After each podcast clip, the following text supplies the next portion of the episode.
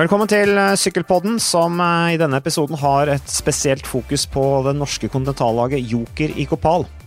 Sykkellaget som ble startet i 2005 som Team Maxbo Bianchi av Birger Hungerholt og hans selskap Interspons AS. Interspons er også medeier i eh, Tour Norway og procycling.no. Og Hungerholt blir ofte omtalt som en av norsk sykkelsports mektigste og viktigste personer.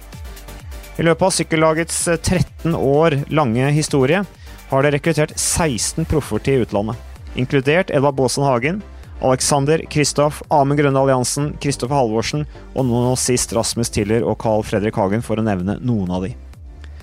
I, eh, nå I slutten av november så hadde Jokerlaget sin eh, kickoff-samling på Ringerike, hvor jeg tok turen for å ta en prat med gutta da de bokstavelig talt ble sendt ut på glattisen for å trene ishockey med blant annet den hockeyfrelste Sky-direktøren Gabriel Rask. Joker Rigopal har hatt eh, nok en fin sesong, med blant annet seier sammenlagt i Toro Tour of Jura, sammenlagt og etappeseier i Runde Loise, i tillegg til pallplasser i Arctic Race of Norway, NM landevei og tempo, Gylne Jutur og Sundvolden Grand Prix. Først skal vi høre et intervju med 24 år gamle Henrik Evensen. Evensen syklet for Team Frøy i 2015, gikk derfra til det nederlandske kontinentallaget SEG Racing Academy, hvor han var to sesonger før han gikk eh, da videre til Joker i Kupal før årets sesong. I SEG var han annet lagkamerat med ryttere som har gått videre til øvre proffnivå, som Nicholas Schultz, Freddy Ovett, som har vært prøveproff i annet BMC, Jante Biermans, Tim eh, Arisen, Julius Vandeberg og ikke minst Fabio Jacobsen. Sistnevnte Jacobsen som allerede er etablert toppspurter, som har bidratt med seire til Quickstep-laget denne sesongen. Evensen han sto eh, uten seire før årets sesong, og fikk dermed et internasjonalt gjennombrudd da han vant to etapper og sammenlagt i Runde Loise i junior. Even satt riktignok på sidelinjen og så på lagkameratene i Joker spille ishockey, så da fikk jeg prate med han i Sjunghallen i Hønefoss. Ja, jeg sitter i Sjunghallen og ser på noe så uvanlig som uh, syklister på skøyter som spiller ishockey, men det gjør du også, Henrik Evensen. Du sitter rett og slett på tribunen og, og ser på. Hvorfor er du ikke utpå? Nei, de, de sparer kapteinen vet du. Du vil ikke ha noen skader på kapteinen neste år. Nei, det var rett og slett uh, noe størrelse 48-skøyter som ikke var mulig å oppdrive. Så da, da, ble det benken. Men sykkelsko, det har du? Det har jeg, vet du. Ja, det, det går bra. Men uh, Henrik, hvem syns du er best utpå her? Har du sett noen som har litt uh, anlegg? Bortsett fra Reidar Borgersen, som jo selvfølgelig har litt anlegg for skøyter. Reidar er god. Ikke så god med hockeykølla. Men eh, Øyvind Lukkedal viser eh, sterke takter. Mye på bandybanen oppe, oppe på Bærum der, tenker jeg. Så det han er, han, er, han er, god, faktisk. Men ellers er det mye Det er mye, ja, det er mye surr utpå her nå, altså. Jeg må innrømme det. Lukkedal nikker anerkjennende, han er enig med deg. Men eh, Henrik, du har hatt en ganske bra sesong. Hva tenker du selv? Ja, det var en veldig god sesong. Jeg kom godt i gang og bare jobba jevnt og trutt. Og så løsna det med en seier i Frankrike litt før sommeren der. Um, og det var Jeg har visst jeg har vært sterk, men jeg har kanskje ikke visst at jeg har det nivået at jeg kan vinne. da. Så det var utrolig deilig å, å kjenne at uh, når jeg er i form og ting klaffer, så da blir det seier, på en måte. Uh, og så, ja Kjørte gjennom flere gode ritt og hadde egentlig en, fin sesong første år i Joker og veldig fornøyd med, med alle turene og det, ja, god stemning og bygg, bra grunnlag for gode prestasjoner. Det var ikke bare én seier heller i samme rittet. Det var Tour du vant første etappe og en etappe til. Eh, hva var det som, eh, som, som smakte seieren? Hva har det gjort med deg eh, som sykkelrytter, den opplevelsen der? Nei, det var utrolig godt. Mest av alt den selvtillit delen. At du, du, klar, du, vet at når du er i form og når det klaffer, så da, blir, da kan det bli seier. Da. Det er jo Sykkel er jo lagidrett, og vi, mange, meg inkludert, er jo veldig glad i å kanskje ofre egne sjanser for lagets beste. Da, og kanskje litt redde for å ta den og si at i dag føler jeg meg bra, og i dag kjører vi for meg. Så det var utrolig kult å ta den første seieren og få muligheten til å bli kjørt for. da. Og når jeg da klarte å levere med seier på siste etappen. Og, og, sammenlagt så var det det var utrolig deilig. Både for meg og, og overfor gutta som jobba så hardt hele uka. Vi sitter her nå og ser på at eh, Gabba som gir instruksjoner. Gabriel er jo eh, en tidligere ishockeyspiller, spiller litt ishockey eh, og er jo veldig glad i ishockey, så han syns det er gøy her å være på skøytebanen. Men Henrik, nå blir det jo på en måte Nå er jo Joker ikke Pal de er vant til å miste ryttere til eh, profflivet. Og det er jo på en måte Nå må dere starte en litt ny giv med flere ryttere som forlater laget. Hvem blir på en måte road captain, og hvordan tenker dere nå med, for kommende sesong? Ja, Vi mister mange sterke ryttere. Det kommer vi sikkert til å merke. Også, det har jo skjedd før, og vi har fått da får vi inn eh, unge, lovende ryttere som er sultne. Og så er det jo opp til oss som kanskje var nest best i fjor, da, å ta steget opp. Eh, se for meg Jeg håper å kunne ta en slags lederrolle. Eh, vi har flere her. Herman eh, hadde mange seier i fjor. Eh, naturlig leder, det også. Så ja, det er opp til oss da, rett og slett å, å ta det steget opp. For du kommer jo fra SEG Racing Academy, eh, som vi snakket om litt før jeg satte på opptakeren her, som rett og slett er et sånn agentselskap med flere agenter som jobber med fotball og sykkel. Eh, hvordan var den opplevelsen der? Det var utrolig kult. Jeg reiste ned til Belgia og eh, med IK Hero, egentlig. Eller på egen hånd. Og ble plukka opp, eller fikk muligheten. Og så ble det to år i SEG. og Nei, Det var utrolig kult. Et lag med veldig utvik eh, utviklingsfokus. Um, gir rytterne god tid til å utvikle seg. Um, masse bra løp selvfølgelig nede i Nederland og Belgia hele sesongen. Uh, så det er ikke overraskende å se at uh, de har, har, fått opp mange proffer til neste år. En annen som satt på benken mens lagkameratene var på isen, var Bjørn Tore Hoem fra Eresfjord. Hoem han har syklet én sesong i Sparebanken Sør i 2014 og har vært en del av jokerlaget siden. I løpet av de fire sesongene han har vært eh, der, har han bl.a. vunnet etappe i eh, Tour de Normandie og Tour de Alsace. Han har vist potensial som eh, sammenlagtrytter med syvendeplass i Arctic Race of Norway i fjor, tredjeplass i Tour de Normandie og tredjeplass i Tour de Alsace i 2015. 27 år gamle Hoem har hatt en tung sesong, men eh, seiler opp som en av lagets sterkeste sammenlagtryttere i 2019. Bjørn Tore, du sitter også på benken, men du har ikke skøyter engang. Hvorfor er ikke du ute på isen? Nei, Det var litt manko på, på størrelser på skøyta, så jeg var vel eh, den som trakk det siste strået. og ja, Ble sittende på benken eh, litt i dag. Men jeg syns jeg hørte noe om at du aldri hadde gått på skøyter, stemmer det, eller? Ja, det er litt flaut, men alle går på skøyter, nei. Så alle har vært så særlig gode på ski heller, så det er litt sånn uvant terreng.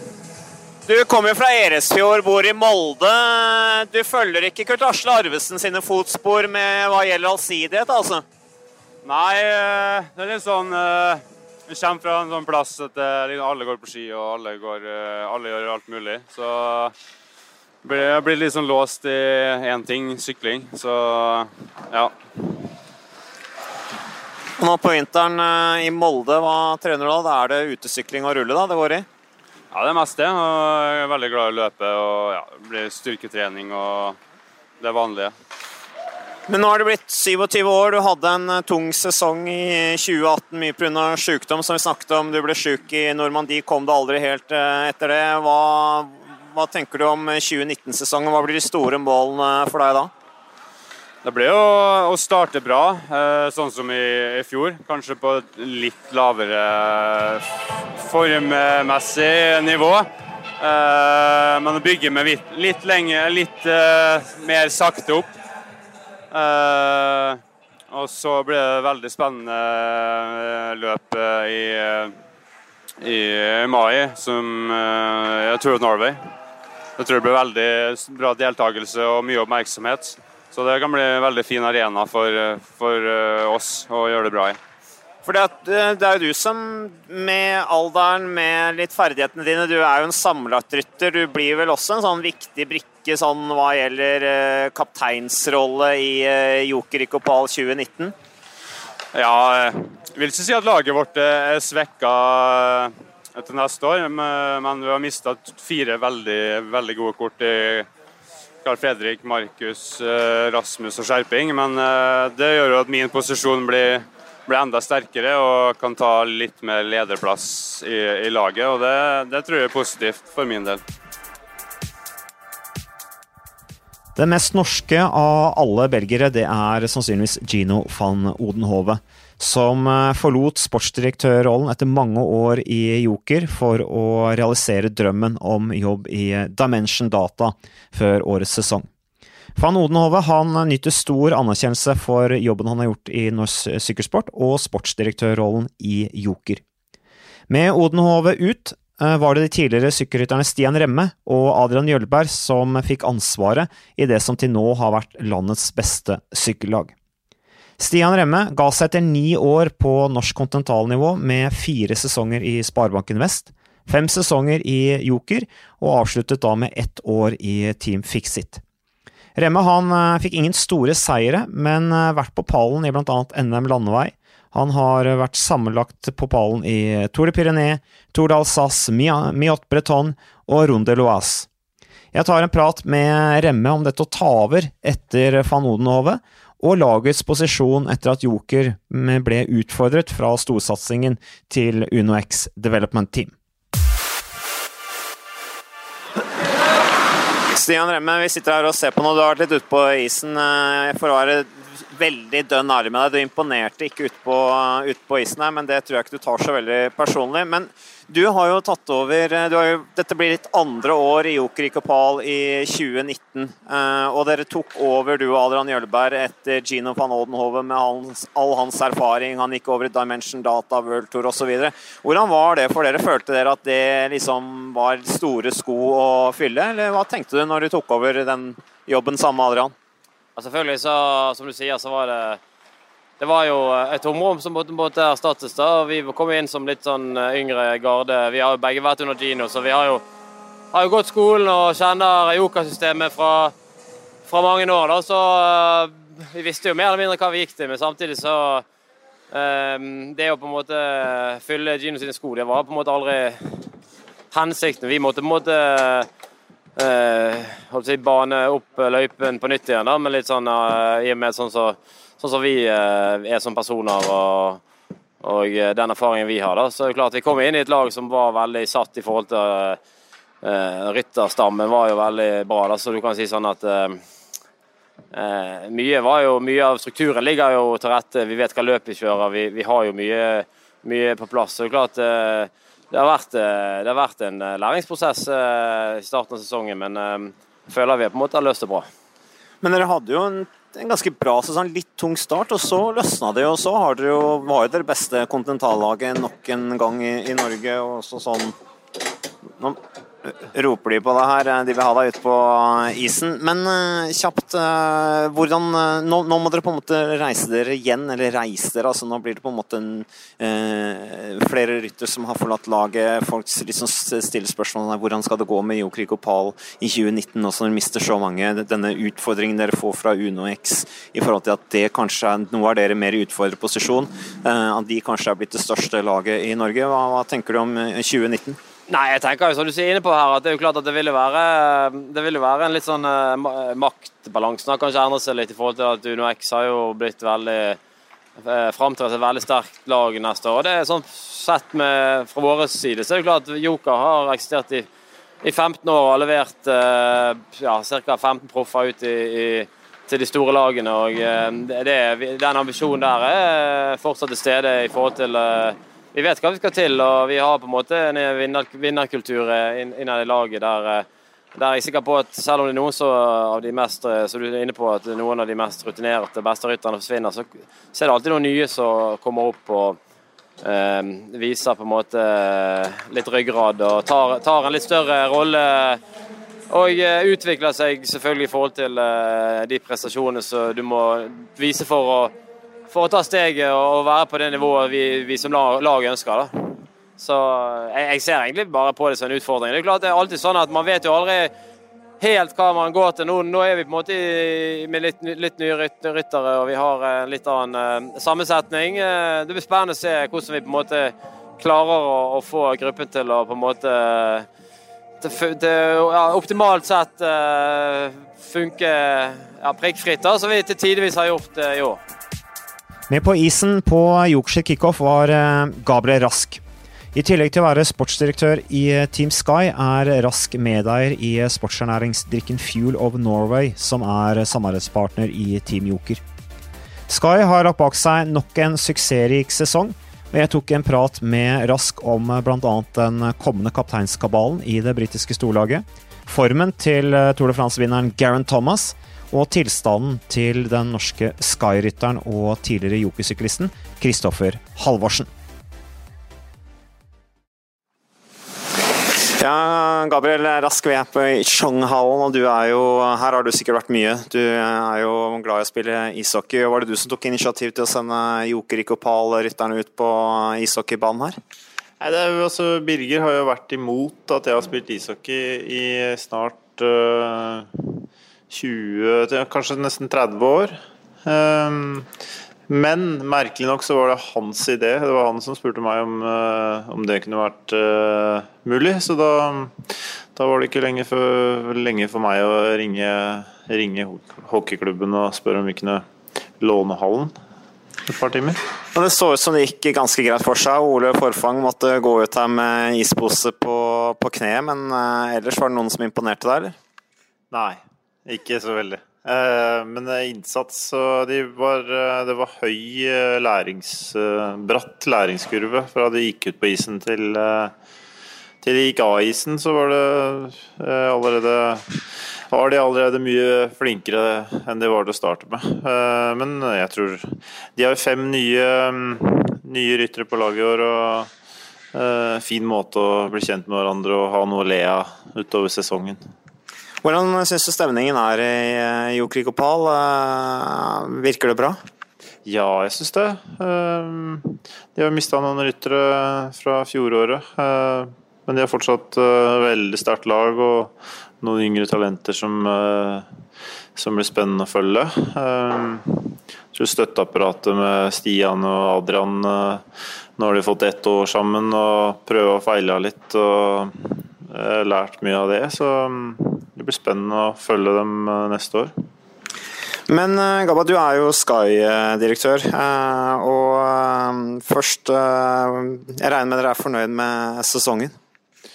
Ja, vi er jo fornøyd med sesongen, så nå har vi evaluert litt året som har vært. Og begynt å jobbe mot neste år. Det er mange utfordringer og luksusproblemer med Jaron Thomas, Frumi og Egan Bernal og løpsprogrammet deres. Så, så, det er egentlig det vi, det vi jobber med nå. Og Hvordan tror du, hva sier magefølelsen deg? Eh, mange snakker om Thomas i giroen og Froome eller Bernal i Tour de France. Hva tenker du er beste løsning? En av de tingene vi har diskutert mye. Eh, syvende og sist er Tour de France det viktigste løpet. Så jeg tror nok vi kommer med et spissa mannskap dit uansett. Giroen er også viktig, men ikke så viktig som turen. Men Geraint Thomas er han Jeg syns han bare reiser og er på ditt og datt. Klarer han å komme i form hvis han skal kjøre giroen? Det er ikke lenge til tida går fort.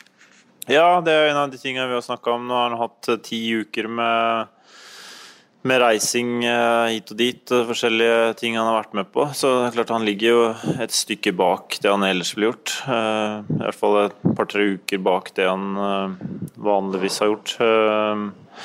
Så da gjelder det å styre han på rett vei.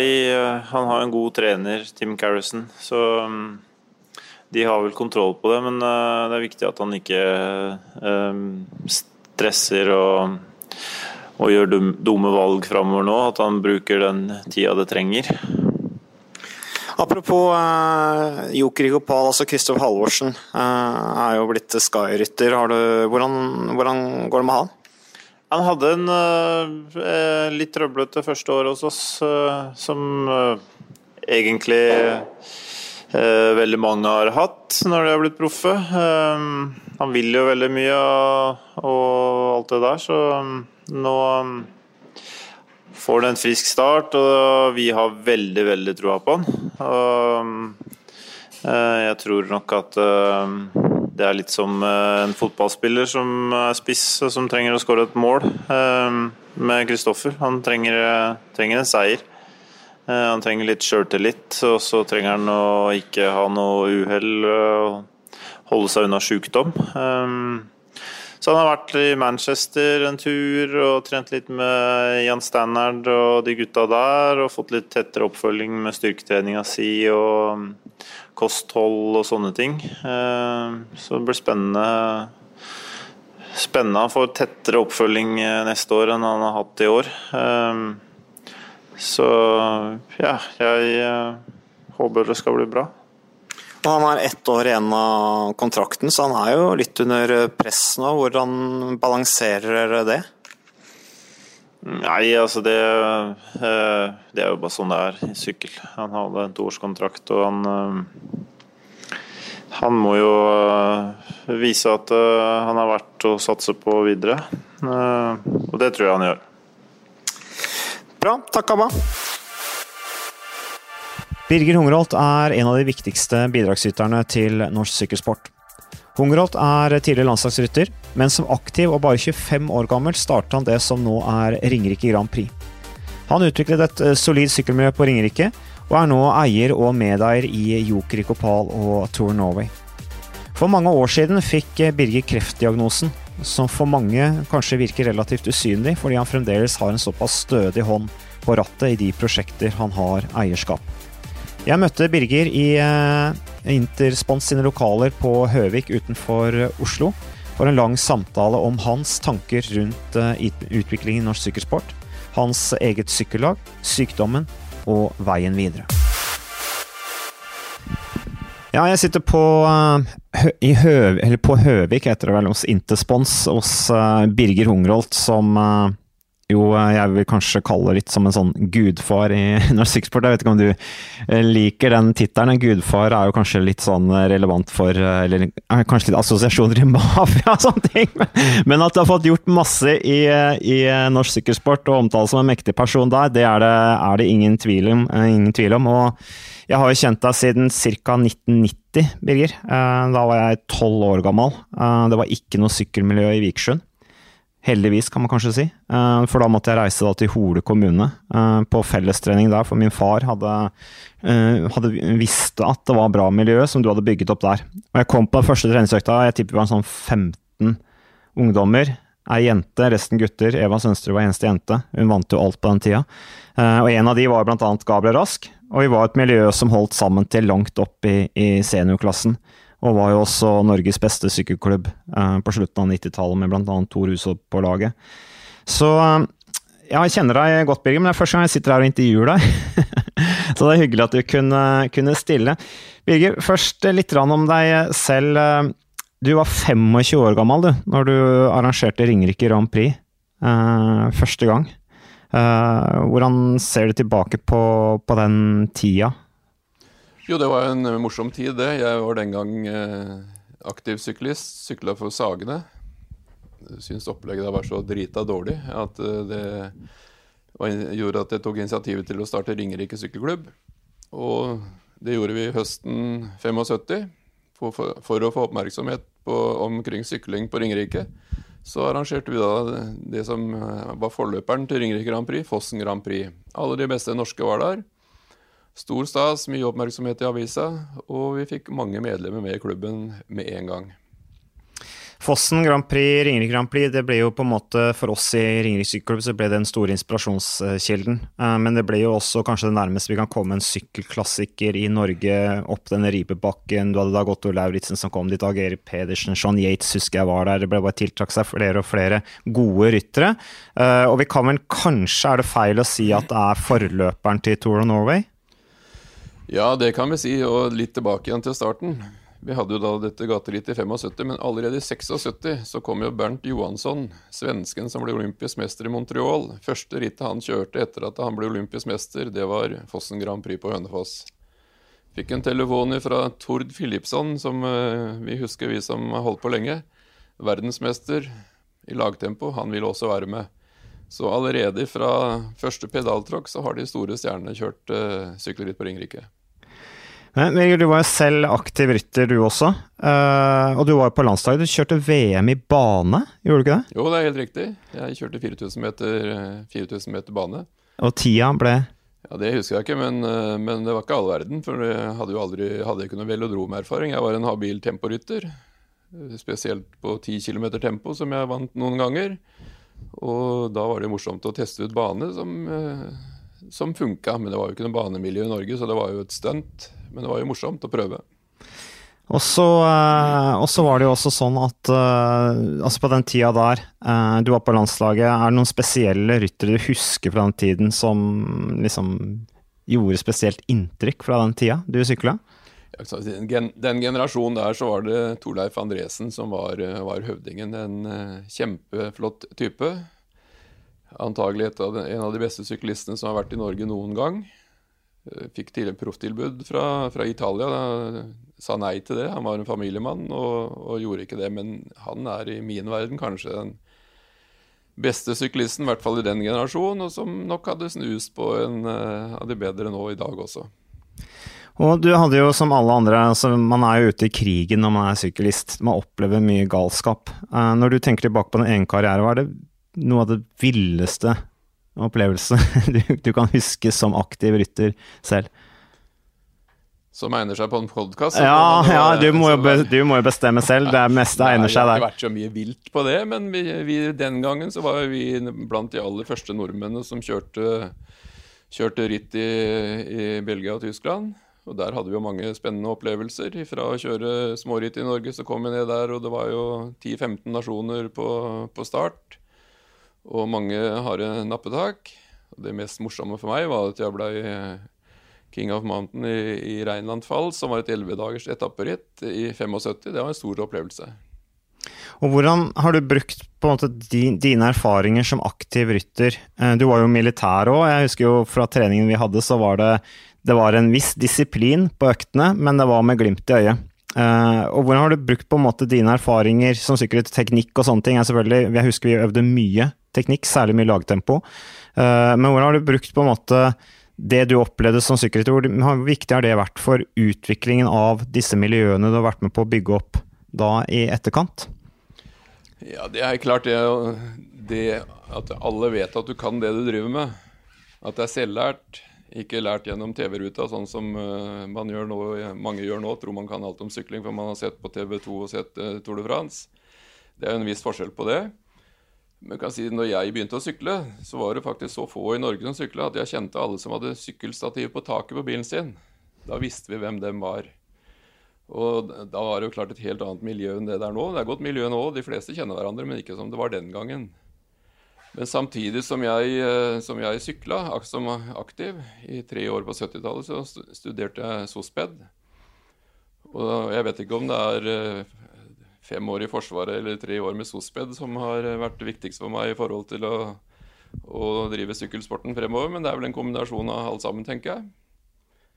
Og så var jeg jo litt frampå allerede når jeg var aktiv syklist. I 1977, da var jeg 27 år, kjørte på landslaget og ble valgt som formann i valgkomiteen i, i Sykkelforbundet.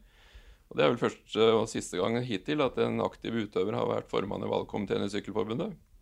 Prøvde for øvrig å styrte sittende president og mislykkes med det. Så jeg hadde en litt traumatisk periode på Ja, den gang? Den gang, ja. I, dette var i, det var ikke bare da det var bråk rundt presidentrollen, altså? Det skal det være. Det mm. skal, det være. Jeg skal være litt liv igjen på det. Men nei, det var, det var høsten uh, eh, 77. For øvrig Odd Pedersen, faren til Dag Erik, som var president den gangen. Og vi var gode venner og hadde litt, litt uh, tung periode noen måneder der. Men etterpå så var det fint igjen. Men det, det jeg prøver å fortelle, er at jeg var aktiv på ikke bare syklinga, men også på organisering allerede den gangen. Og de siste Altså, nå har jo du vært med på veldig mye uh, i norsk sykkelsport. Uh, og vært med på å drive fram veldig mye av det som har skjedd. Uh, med Ting har blitt større. Og jeg tror du har vært en viktig del av, av det. Hvordan, hva, hvordan, hvordan, hvordan, føler du utviklingen har vært i norsk sykkelsport de siste 20-30 årene? Hva er det viktigste særtrekket, mener, mener du? Eller hva er det viktigste som har skjedd med utviklingen? Det viktigste som har skjedd, grunnlaget for det, er jo den grundige jobben som ble gjort i sykkelmiljøer i Rogaland, i, i Bergen, på Ringerike på, på 90-tallet. At man organiserte riktig. Man hadde flotte konkurransemiljøer som konkurrerte mot hverandre. Vi fikk fram gode syklister med Tor Hushovd i spissen, som gjorde at TV 2 syntes det var eh, etter hvert syntes det var eh, morsomt og interessant med sykkel. Noe de kunne tjene penger på. Og det var jo starten på det. Og parallelt med dette så ble jo spinningbølgen eh, kasta over oss. Birken òg, kanskje? Ja, og det kom jeg til. Men det var spinning, og så var det mange som kjørte spinning som ville ut og sykle. Og så kom de store mosjonsidrettsarrangementene med, med Birken, Nordsjørittet, grenserittet i spissen. Så en periode så var det jo status å klare merket i Birken. Det er litt i noen miljøer i dag også, men det var summen av alt dette her. Og at TV 2 da begynte å, å bli flinkere og flinkere til å, å, dekke Tour de France og etter hvert andre sykkelritt. Så det er mange, ikke små bekker, men mange store bekker som uh, er blitt en stor å, som uh, gjør at sykkelsporten har hatt en enorm utvikling i Norge. Mye, altså, Den norske idrettsmodellen er jo bygd på dette med frivillighet og dugnad og de tingene der. Eh, men min påstand er sånn at veldig mye av det som har skjedd i norsk sykkelsport, er drevet fram av kommersielle interesser, og at det har fått ting til å skje. Du er jo selv en aktør som har drevet forretning, business, på sykkelsporten. Uh, og for mange så er det sånn ja, tjene penger på idretten og profesjonalitet, det er skummelt i manges øyne, men for sykkelsporten så mener jeg at det er det som får ting til å skje. Og det skaper miljøer hvor det utvikles gode utøvere, som igjen inspirerer. Hva, tenker du om sykkel? Er det, er, skiller sykkel seg ut i forhold til mye andre eh, særidretter innenfor norsk idrett? Hva tenker du om det? Ja, først og fremst, Den konklusjonen din er jeg ikke så veldig enig i at det er business eh, og forretningsmenn som driver det fram. Ja vel, man er en forretningsmann, men man har et brennende hjerte for idrett. Og i, min, i mitt tilfelle vil jeg tippe at jeg bruker 90% av hjertet og syke, interessen på sport og sykling som har gjort at eh, jeg har vært med på det jeg har vært. Skulle jeg ha brukt det på andre, andre ting, så hadde jeg antagelig vært mange millionær for mange år siden hvis jeg brukte all den tiden jeg har brukt på sykkelsport, på la meg si, noe fornuftig forretningsmessig, så hadde det vært annerledes. Så Hvis du ikke har et brennende hjerte for det, så hjelper det ikke om du har forretningsteft. Du må, du må ville i bånn. Og du kan si det er mange som har vært, eh, kommet inn, men de blir fort borte. Og det største savnet for meg er jo at de eh, som var gode sykkelledere for mange år siden, blir så altfor tidlig borte de fortsetter ikke. Det er mange som fortsetter når, slutter når sønn eller datter eh, slutter. Så det, det, er ikke så mange av oss som har holdt på i, i eh, en generasjon eller to, og det, det, savner jeg. Ja, for Forskjellen er jo litt også at, det at du, du, har jo fortsatt da etter sønnen din, Ole Petter, han sykla jo sammen med meg, han er jo også like gammel. Eh, vi var en del av samme miljø, men du fortsatte jo å på en måte satse på sykkel selv etter at han hadde gitt seg. Ja, og så kan du si forskjellen at jeg holdt jo på med det 15 år før det også. Så ja, det er mange som har sagt det til meg også, jeg, men da kjenner de meg dårlig. Men så har du bygd opp uh, et veldig Altså, du har jo sykkelritt til Tour Norway. Nå fusjoneres jo det med Tour of Fjords. Uh, hvordan blir uh, eh, 2019-utgaven, og hvor, mye forandrer det på en måte dynamikken i organisasjonen? Det at dere fusjonerer nå med Tour de Fjords? Ja, det blir, en, det blir, jo en, forandring på det, men vi trekker jo med oss de beste fra, fra begge leire. Og Roy Heggeberg er jo, er jo nysjefen for det. Men uh, vi har jo med Anders Linnestad, som har vært uh, teknisk direktør, eller rittleder uh, i praksis, er med videre. Øyvind Lillehagen, arenasjef. Mange av de sentrale personene i Tour of Norway-systemet. Eh, også mange av de frivillige, sjåfører, eh, MC-korpset osv., er med videre. Så nei, det tror jeg blir fint. Og nå er vi i ferd med å legge fornuftige løypetraseer. Som Nei, det kommer til å bli spennende, og det kommer til å bli bare bedre. Kan du si noe om løypa nå? Nei, det kan jeg ikke si, for det er noen brikker som skal på plass. Men, eh, men eh, la meg si vi har 95% på plass. Og så er det jo litt eh, research i forhold til om det er mulig å kjøre der vi ønsker å kjøre. Det er gravearbeider, det er asfaltering og det er det ene med det andre. Men i grove trekk så har vi det klart. Eh, og sykkellaget ditt, nå var det jo eh, Joker i Kopal. Nå det jo, hadde jo dere kickoff nå i, i helgen. Eh, de siste, I dag er det onsdag. Dere holdt på til og med mandag nå denne uken. Vi holdt på til i, i går, faktisk. Og der gikk det kickoff for den 15. sesongen i, i lagets historie. En sesong som skal bli den beste så langt. Ja, og det er litt spennende å si, for at nå er jo dere litt sånn Altså, ting endrer seg i sykkelsporten, det er en utvikling, eh, og laget ditt har jo vært det, Siden 2005 har jo vært det desidert beste laget. Dere har altså rekruttert 16, og liksom, nå er det ikke sånn at du kan huske helt i huet engang hvor mange proffer dere har registrert. Nå må du faktisk skrive det opp og telle over, og jeg kom til 16. Eh, jeg kan jo bare kjapt ta, eh, navnene. Edvard Boasen Hagen, Kristoff Rask, Nordhaug, Korseth, Lunke, Eiking, Halvorsen, Holgård, Grøndal Jansen, Stake Laingen, Skjerping, Breen, Wilman, Tiller og Hagen. Det er over én proff i året, det. Eh, så men nå blir dere litt utfordra eh, som, som sykkellaget i Norge. UnoX satser som, som bare det. Har henta et par ryttere fra, fra, laget deres. Og hva gjør du nå på en måte for å holde offensiviteten oppe, nå som dere på en måte er litt annet altså dere, Nå er dere et utfordrerlag på en annen måte enn dere har vært tidligere? Jeg føler ikke vi er noe utfordrerlag ennå, det er det vel andre som er. Og så er det jo sånn som du sier, da. Vi mista jo Gabriel Rask og Edvard Boasson eh, på én gang. Og Da trodde jo alle at nå skulle det bli dårlig sesong etterpå, så ble jo sesongen enda bedre. og kom, Da kom jo Alexander eh, Kristoff eh, og, og, slo gjennom. Han gjorde jo ikke det til å begynne med der. Så de, la meg si, de beste er bra å ha de beste, men de står ofte i veien for de nest beste. Når de beste blir borte, så kommer det nye fram. Og det kommer det til å skje nå også, gjort i alle år. Og skulle det mot formodning ikke skje i neste år, så gjør det det året etter. For vi har mange unge, spennende ryttere. Så nei, vi ser lyst på framtida. De som skal slå oss, skal være gode til å sykle. For dere har altså ja, skjerping. Carl Fredrik Hagen blir jo proff i Lotto Sodal. Eh, til Tida Mention Data. Iver Knotten eh, velger å gå til et annet eh, norsk lag. Eh, Markus eh, Holgaard går da til, til UnoX. Eh, men er det sunt nå Tenker du at det er positivt at dere får den der konkurransen fra UnoX som de, liksom, de norske rytterne? Jeg bare korrigerer deg. Knotten slutter ikke hos oss for å gå til et annet lag. Knotten han skal få orden på helsa si. Og hvis han får det, og får trent det han skal, så er døra åpen for oss, hos oss uh, til våren. Så det får vi jo se på åssen det går. Men uh, du spør om det er positivt med et annet lag. Er, ja, så svarer jeg ja på det. Men nå har det jo vært andre gode lag hele veien. Vi har hatt uh, Team Coop, og vi har hatt uh, Fixit, og vi Sparebanken Sør. Så det er ikke så stor forskjell på det. Men det er klart UnoX har ressurser og syns godt i miljøet. Og er flinke til å drifte. Har jo henta gode gode ledere. Og, og bygger opp uh, sine egne ryttere. Så et spennende lag, helt klart.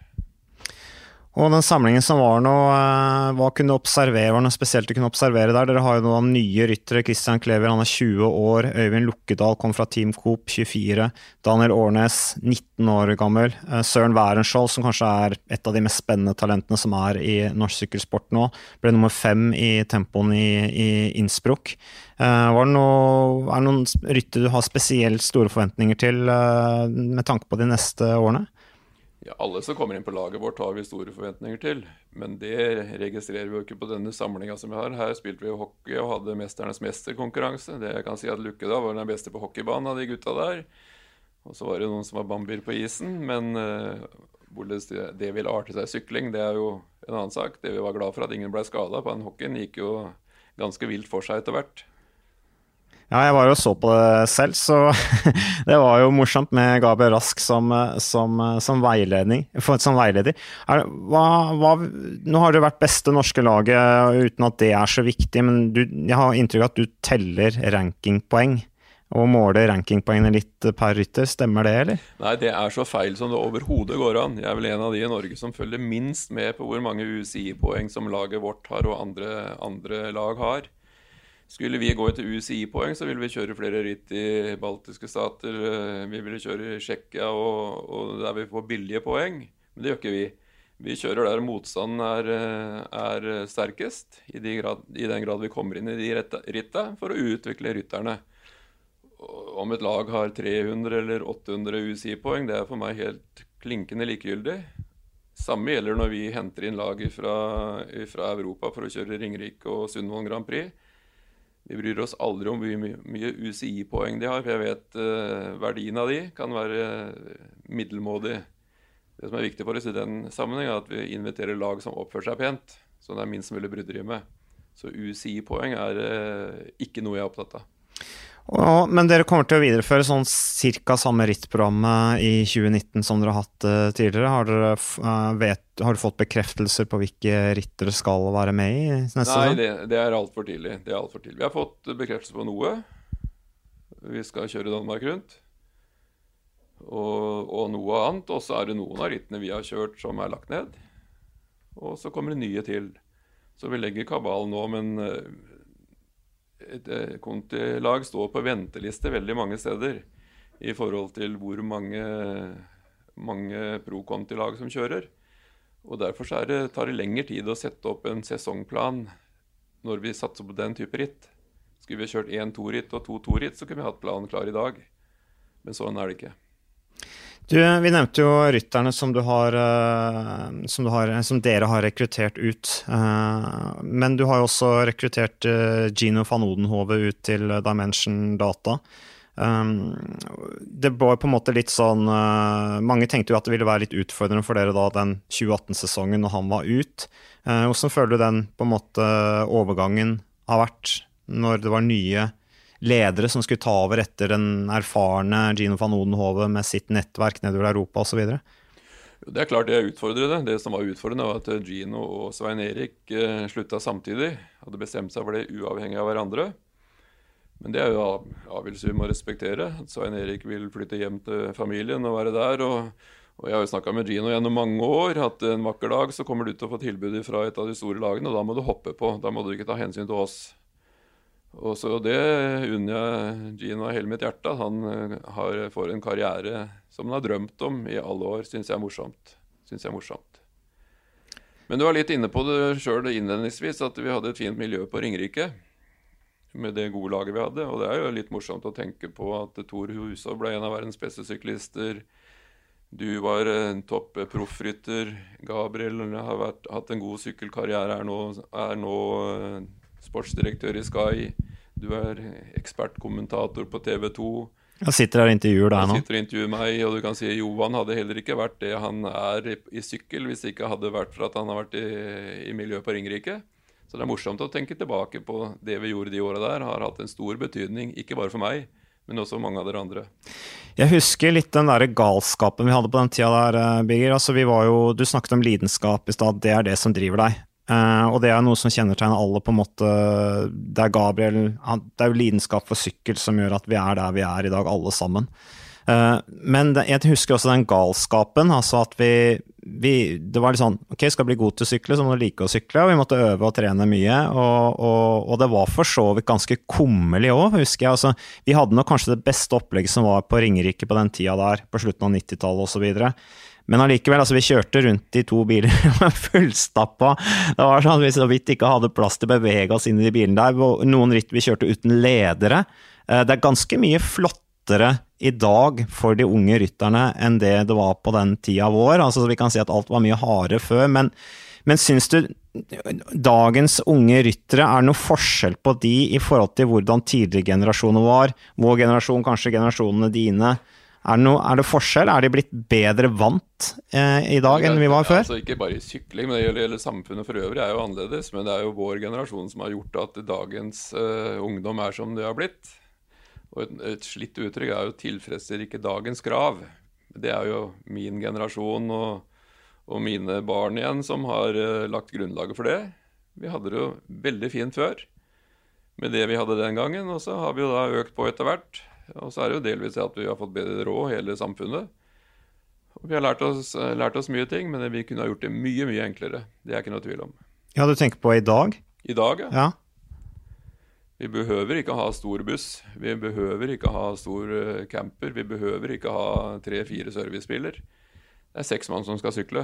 Men det er jo konkurransen, ikke sant. Som, du må jo ha et visst opplegg i dag. Det er en konkurranse om rytterne også i Norge nå, så et visst sånt opplegg må man vel ha? Ja, men du skal huske på at det er ikke plass til alle på samme lag. Så det, det vil aldri bli noe problem. Men jeg er enig det. er bare utviklingen er blitt sånn. Ja, men Hva med markedsføringseffekter osv.? Uno X har en svær buss. Én ting er komfort og sånne ting, men like mye så er det at den bussen blir filma og fotografert i ett sett, så det har en viss markedsføringseffekt. Men nå hørte jeg jo rykter om at det muligens skal komme en buss til dere òg. Har du hørt rykter om det? Ja, jeg har hørt rykter. Jeg vet ikke om du kan si at det er sant eller ikke. Nei, du får følge med. Du Ja, vi får se. med. Vi får se. Men eh, det er i hvert fall eh, Det er i hvert fall det, det blir jo litt sånn at når noen har noe, og, og man satser et sted, så skal man gjerne svare et, et annet sted, men vi får jo se. Men Birger, du har vært med på å bygge opp veldig mye Eller mye av det som har skjedd i norsk sykkelsport, er, er takket være, være deg. Uh, og så eh, hvordan syns du tilstanden til Sykkel-Norge er i dag, etter som, etter den konkursen som var i, i Bergen, og den der økonomiske nedturen som kommer der igjen, det er andre VM nå eh, i Norge, hvor på en måte vi får en, en dårlig økonomisk bakteppe i etterkant. Eh, Hvordan, hvordan er tilstanden til norsk sykkelsport i dag, tenker du på, med det som bakteppe? Jeg, i, I min del av norsk sykkelsport så er det ikke noen forandring på det. For det er jo da klubbene som driver, og det er vi som rittarrangører som driver. Og det er lagene som driver. Og forbundet Vel, jeg har blitt redd av Uno X i forhold til U23-satsinga. Men ellers så vil, jeg, har ikke det noe dramatiske følger for oss. Vi, forbundet gjør en fin jobb, de helt sikkert, men ikke som berører oss. eh, Det er vel feil å si grasrota, men det vi driver med. Ringerike Grand Prix, Sundvolden Grand Prix og ritta våre hadde blitt akkurat som før. Ryttere trener akkurat like mye som før. Vi deltar de samme ritta i utlandet. Og så er det litt færre ledere i et VM, som jeg syns bare er fint. Og, og sikkert i EM også, uten at jeg har vært der. Så i det store og hele, så hvis det er noen som skylder på det, så tror jeg Jeg tror det er feil, men jeg har jo ikke fasiten på det. Men det er jo mye bra på gang også, som man kanskje kunne tenke at var overraskende. Altså, du har velodromen på Sola, som er i gang. Uh, man har ikke lagt Det virker som man fremdeles det håpet om velodrom i Asker uh, lever. Er du, er du litt overraska over at uh, de prosjektene blir realisert, med liksom den, liksom den tunge, mørke skyen som har hengt over etter, etter sykkel-VM i Bergen? Nei, det Sola-prosjektet var jo kommet godt i gang lenge før uh, at uh, VM i Bergen gikk uh, konkurs. Og der er det jo sterke krefter og en kjempebra forretningsplan, så det er jeg helt sikker på har ingen betydning. Og det kommer jo, og jeg blir jo fortalt at man er på godt spor i Asker også. Så får vi se om det stemmer i praksis, men eh, skulle begge velodromene komme opp, så er det jo kjempe, kjempebra. Og skulle det bare da bli den ene på Sola, så er jo det utrolig flott for noe sykkelsport. Det gleder jeg meg til. Ja, Tenk om du hadde hatt en bane når du var ung. Ja, Det er ikke sikkert jeg hadde kjørt på bane for dem jeg hadde, hadde om vi hadde hatt det, men det er klart jeg ser jo for de som da bor i en avstand til en velodrom, de vil jo ha et, et kjempefortrinn. Spesielt på vintertrening. Så det skjer en del uh, ting. Uh, Birger, du, det var en svær sak med deg lagd av Mette Bugge i Aftenposten uh, for en stund tid tilbake. Det var før årets Tour of Norway. Du har hatt kreft lenge. De som kjenner, altså de som ikke ser deg altfor ofte, i hvert fall sånn som meg nå, jeg ser deg ikke så ofte. Jeg kan ikke se det på deg. Jeg veit du er en, en kriger. Men hvordan lever du med kreften oppi alle disse prosjektene du, du holder på med? Nei, det er jo noe jævla dritt, det selvfølgelig. Jeg har jo hatt gjennom tidene fire operasjoner, og da har det jo slått ut et par måneder etterpå. Så var det jo en vinter jeg hadde 35 strålebehandlinger. Og da ble det jo Er du ikke i toppform, så jeg har jo hatt mange høl i, i, i hverdagen. Og nå, den siste operasjonen jeg hadde, det var vel i begynnelsen av oktober. Nå gikk ikke den bra, så nå er det jo noe dritt på gang igjen. Så, men jeg prøver å glemme det. Så har jeg lært meg å tenke positivt. Aldri tenke negativt når jeg legger hodet på puta, så man får sove skikkelig. Og så er jeg veldig flink til å trene. Siste operasjonen klarte jeg å gå rundt garasjen første dagen og andre dagen, og så har jeg økt på etter hvert. Ja, for du er en systematiker. Det, det vet jeg pokkeren, men jeg har i hvert fall glød for livet. Jeg ønsker å ta vare på livet. Og nå i går var jeg ute og gikk 12 km. Forrige dagen gikk jeg 15. Så det er ikke lenge før du ser meg eh, i farta igjen eh, Mats. Du har alltid full oversikt over antall økter og antall kilometer osv. Det er sånn jeg kjenner deg, så det er bra. Og det er, det er en motivasjon som flere borte, borte tenker på. Lage seg noen systemer, og blir det høl i systemet, så må du sørge for å tette det. For meg er det en motivasjon, en metode for meg, og så kan det være helt høl i huet for, for mange. Sønnen min blant annet sier 'idiot', åssen kan du holde på med sånt? Men det er drivkraft for meg, og det er det som er viktig. Men i forhold til helsa di og sånn, altså hvis du blir veldig sliten, har du nå bygd opp et system under deg sånn at ting blir tatt uh, vare på? Eller hvor mye er på en måte uh, systemet rundt laget, systemet rundt sikkerhet, avhengig av din drivkraft? For det første så blir ikke jeg sliten. Det er en kort periode, Mats. Så det Nei, ja, og litt spøk, men ja, vi har et bra system. Men det er klart, jeg skjønner jo det hvis jeg drar inn årene brått så kan det ligge litt trøbbel i lufta. Men jeg har jo noen tanker om åssen vi skal håndtere det i så fall. Men det er ikke noe sånn jeg tenker så veldig mye på, for det virker destruktivt for meg. Hva tenker du om langsiktige perspektivet på sykkelrittet, på sykkellaget? Er det noen visjoner, drømmer? Hvor ser du for deg f.eks. Eh, ja, både sykkellaget og sykkelrittet i, i framtida? Ja, Sykkelrittet ser jeg for meg bare blir større og større nå med den sammenslåingen sammenslåinga vi har gjort. Det som har vært utfordringen for, eh, på begge sider av fjellet, er jo deltakelse. Det er altfor mange rittarrangører som kjemper om de samme rytterne. Og får vi ikke de store rytterne og store lagene, så sliter vi med TV. Og har vi ikke TV, så sliter vi med inntektene våre. Men det, det ser jeg optimistisk på. Når det gjelder sykkellaget, Jokrikopal, så ser jeg for meg at vi om ikke annet kjører samme stil som vi har gjort nå i de første 15 årene. Være Norges beste kontilag.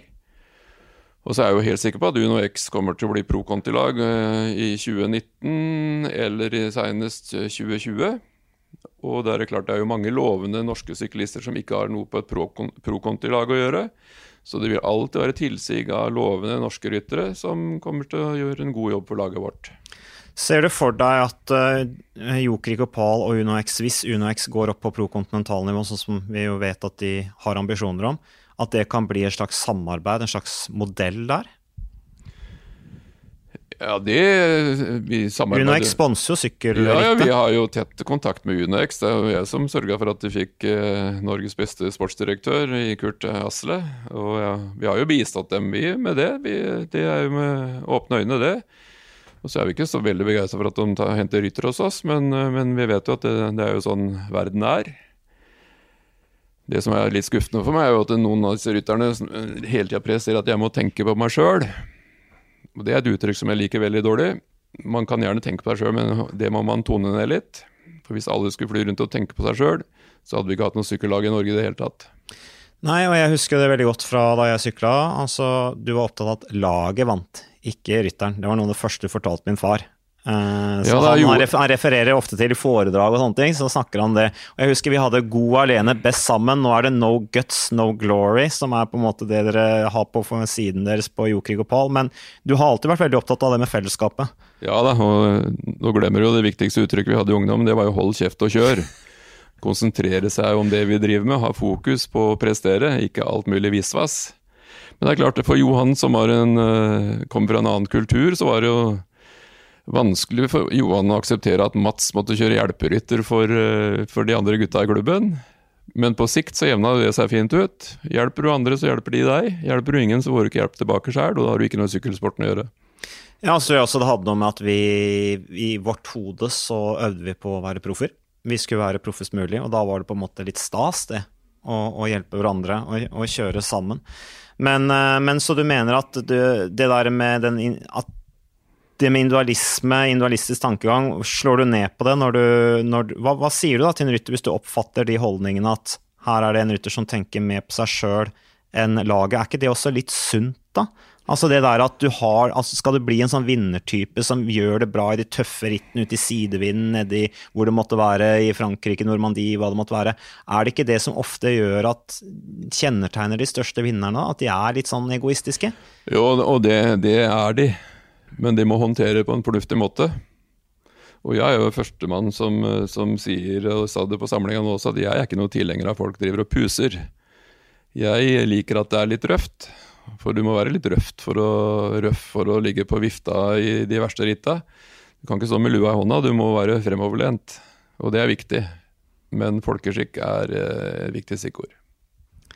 Skikkelighet, altså. Men eh, Birger, vi takker for uh, prat, hvis ikke det er noe du vil si sånn avslutningsvis?